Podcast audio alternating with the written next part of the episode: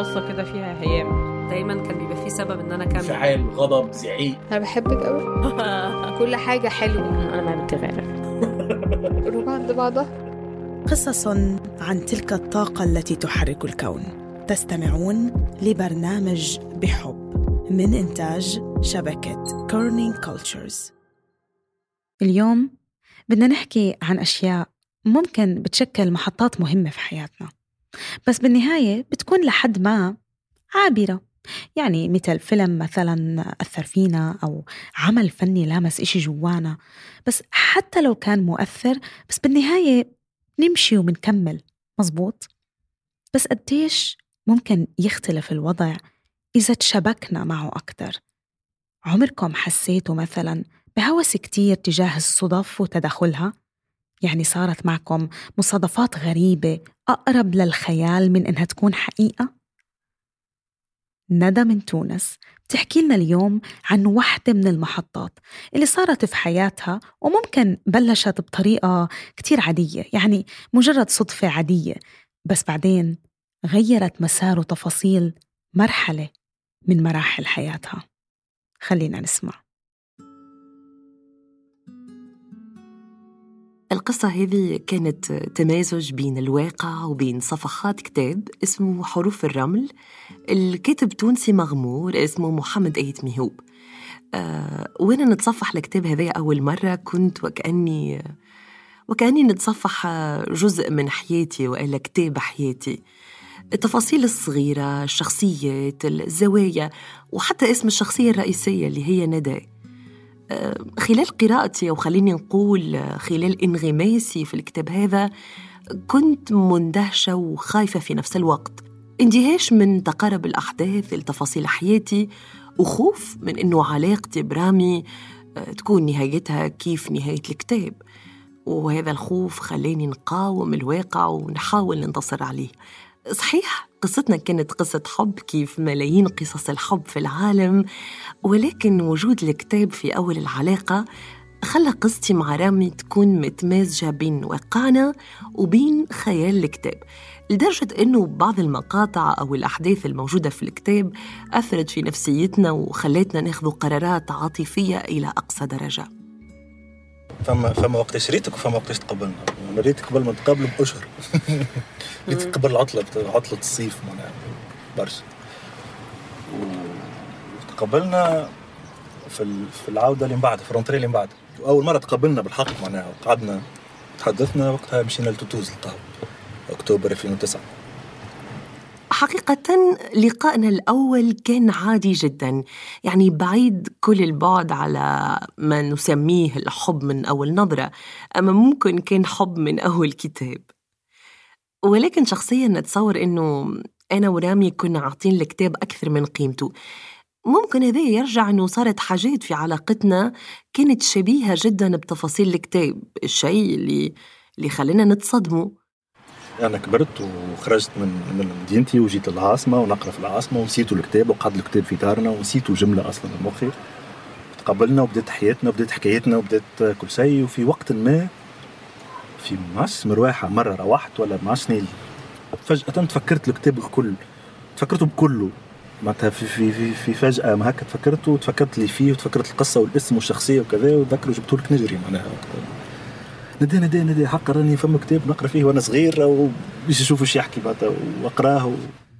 أول حاجة يهديها لي رامي كانت عندها قيمة عاطفية كبيرة بالطبيعة ولكن الفرحة كانت ممزوجة بالخوف أول ما حطيت الكتاب بين يدي نتفكر وقتها كتاب في تقريبا 300 صفحة مكتوب بآلة كتابة قديمة.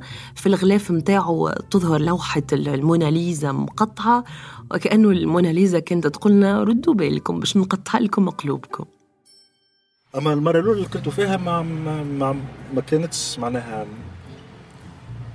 ما كانتش ماركونت بال بال بالطريقة هذيك أما فما فيه حاجة شدتني بالرغم إنه فيه برشا حاجات في العمر هذاك ما فهمتهمش. من المكتبة هذيك الكل هذاك الكتاب الوحيد اللي خرجته من مكتبة جدي وروح به معي وما نعرفش علاش كل مرة نعاود نقراه كيف ما رامي حكي لكم على لقائه الأول بالكتاب. خليني أنا زدنا نحكي لكم على أول يوم قريت فيه الكتاب وارتعبت المفاجئ والمخيف إنه كان في تشابه بين تفاصيل الكتاب وتفاصيل في حياتي الخاصة كيف مثلا اسم البطلة اللي هي ندى وهو اسمي فايزة خالة بطلة الكتاب. كيف كيف هو اسم خالتي؟ ندى كانت تحب البحر كيفي آه نظرتها يديها مشيتها آه حشمتها. كل ما في ندى اللي موجودة في الكتاب كان موجود فيا أنا زادة. ما صدقتش إنه التقارب هذا بين الكتاب وبين حياتي ممكن يكون حقيقي.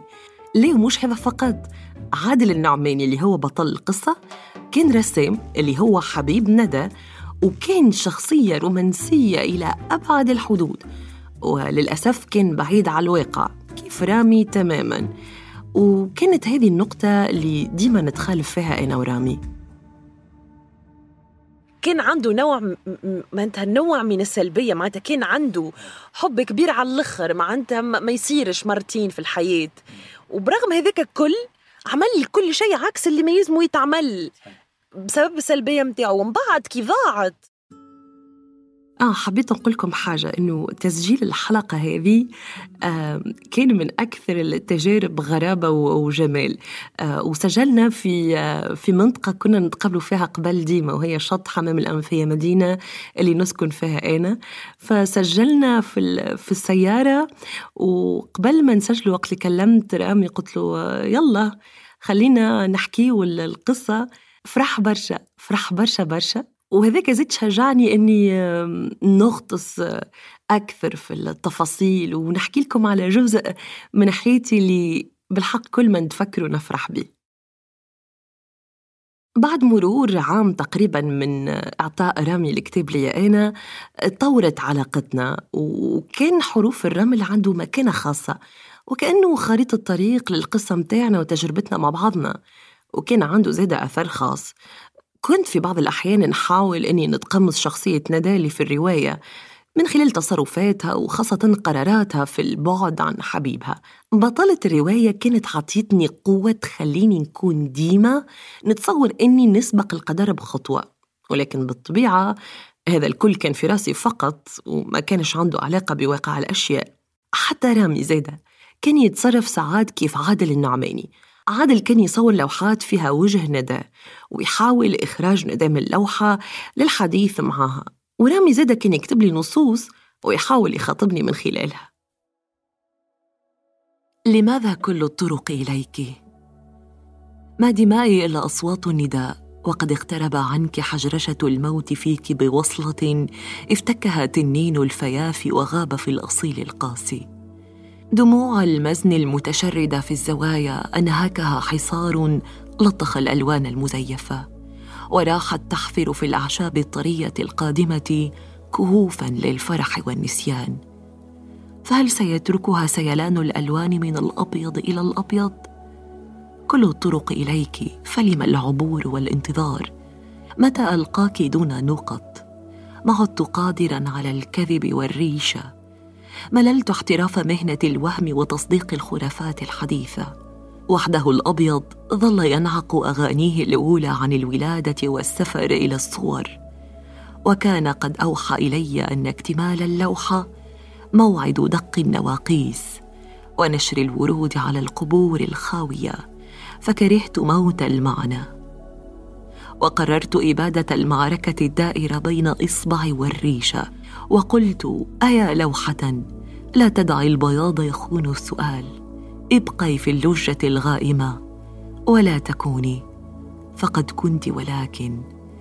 ولكن انتصبت الريشة وسورت الإصبع. أما من نهاية؟ هذه كانت الفقرة الأولى من كتاب حروف الرمل وكلمة الإهداء إلى فائزة كانت مرعبة. إي voilà انت نهارتها كي مديت لي الكتاب. قلت لي نداء شد الكتاب.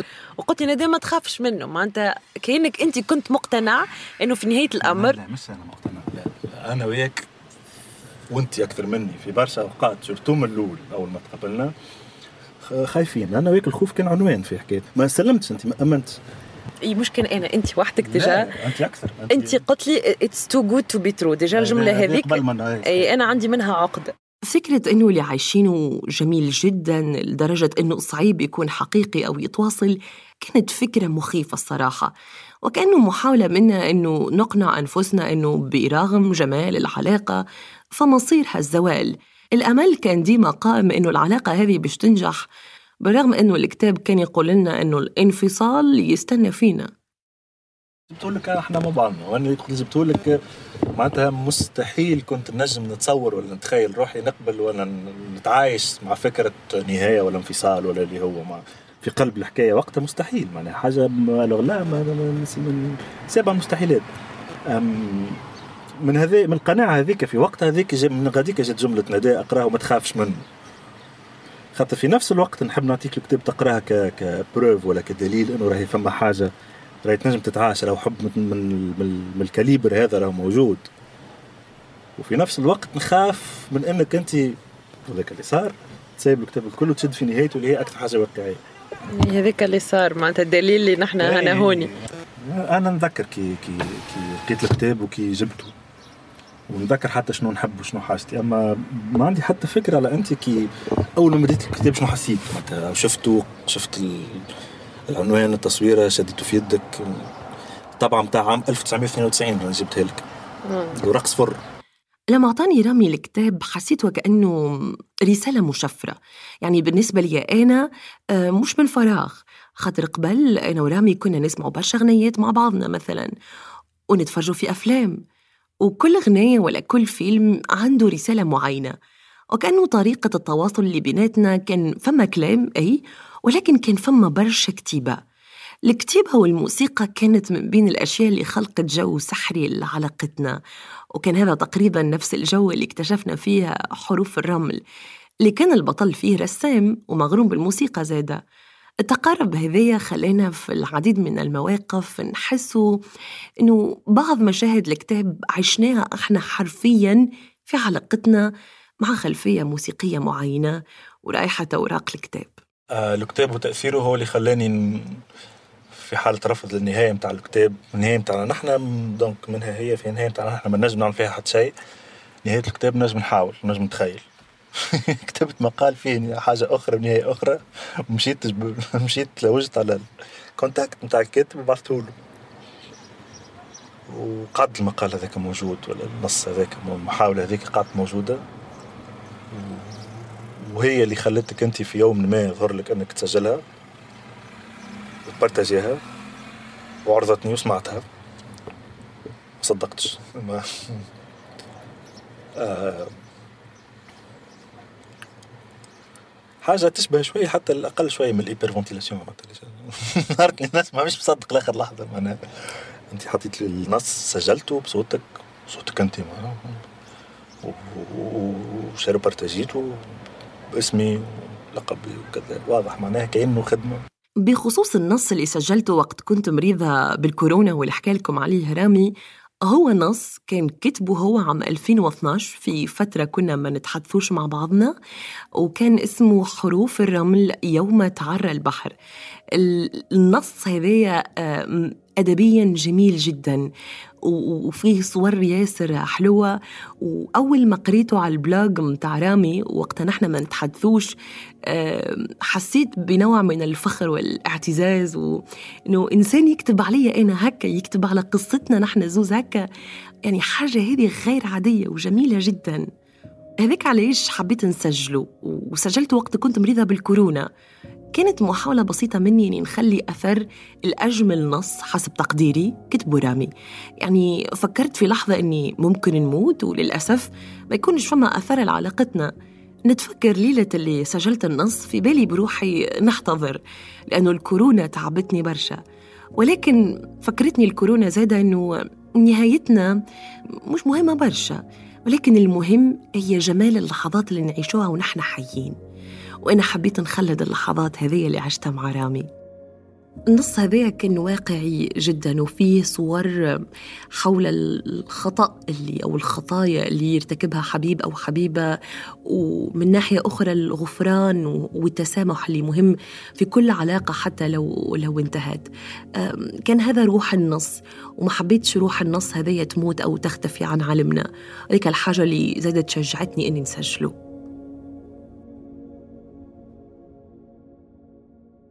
بعد ما تطورت قصتنا للأسف ما كناش قادرين نكونوا أقوى من القدر آه، بعد الخيبات وخاصة بعد انفصالنا. تعلق رامي بالكتاب وحبه ليه آه، انقلب ولا كره شديد. والكتاب أصبح جالب لسوء الحظ. نتفكر جيدا أنه رامي حاول كتابة نهاية أخرى للكتاب. وعمل المستحيل باش يقابل الكاتب محمد آية ميهوب. تواصل معاه على الفيسبوك وخذ رقمه ومشالوا للجامعة اللي يدرس فيها بعد ثلاث سنوات من انقطاع علاقتنا. وقال له يعيشك غير نهاية كتابك على خاطرنا.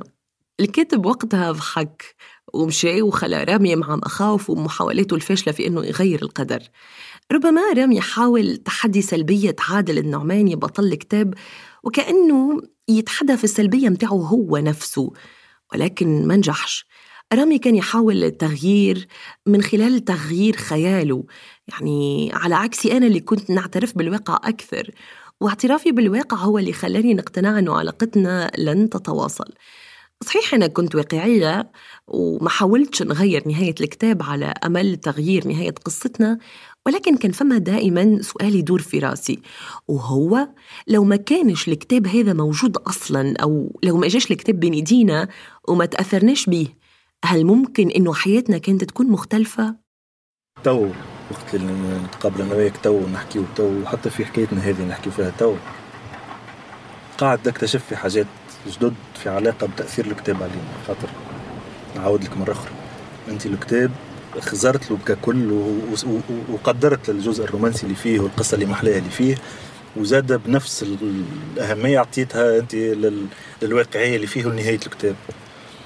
أنا لا. دونك آه، إلى حد ما دامنا مع بعضنا وحتى من بعد ما ماناش مع بعضنا عمري ما جاي لمخي إنه الكتاب كان عنده دخل ولا تأثير. أما كي وقت اللي إحنا تو قاعدين نحكيو تو قاعد نراجع فيه الموقف هذاك ونخمم إنه اي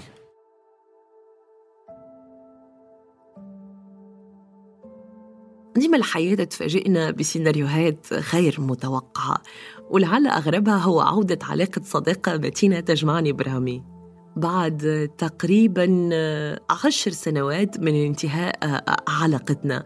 ورجعنا نحكي وكأنه عمره ما صار البعد هذايا كزوز أصدقاء يعرفوا بعضهم جيدا. في المقابل عادل النعماني وندى نهايتهم كانت بائسة. يعني بعد الفراق عادل النعماني تقريبا فقد عقله وحاول الانتحار في البحر مع لوحات ندى اللي رسمها.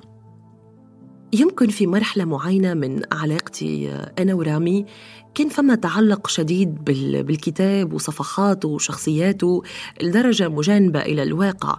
وفعلا أثروا علينا بوعي أو بغير وعي. يعني حسينا بسطوة الكتاب على مصير علاقتنا.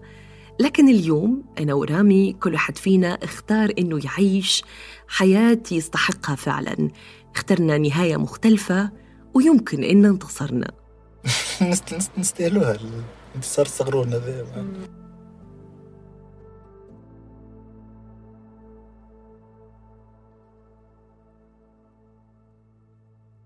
هاي الحلقة من إعداد ندى منصور بدعم تحريري من رند خضير ومديرة التحرير هبة عفيفي. بنحب نذكركم إنه بتقدروا تتابعونا دايما على الإنستغرام والتويتر. وآخر طلب للمستمعين إذا حبيتوا الحلقة ما تنسوا تشاركونا تقييمكم وتتركوا لنا رأيكم لأنه التقييم والرأي بيسهل إنه الناس تلاقينا على منصات بودكاست أكتر. وإذا حبيتوا الحلقة شاركوها مع أصحابكم وأحبابكم وأهلكم ومع مين ما بدكم. وما تنسوا تشتركوا بالقناة وتضلكم تابعينا. بلاقيكم الأسبوع الجاي بحلقة جديدة من بحب. باي باي.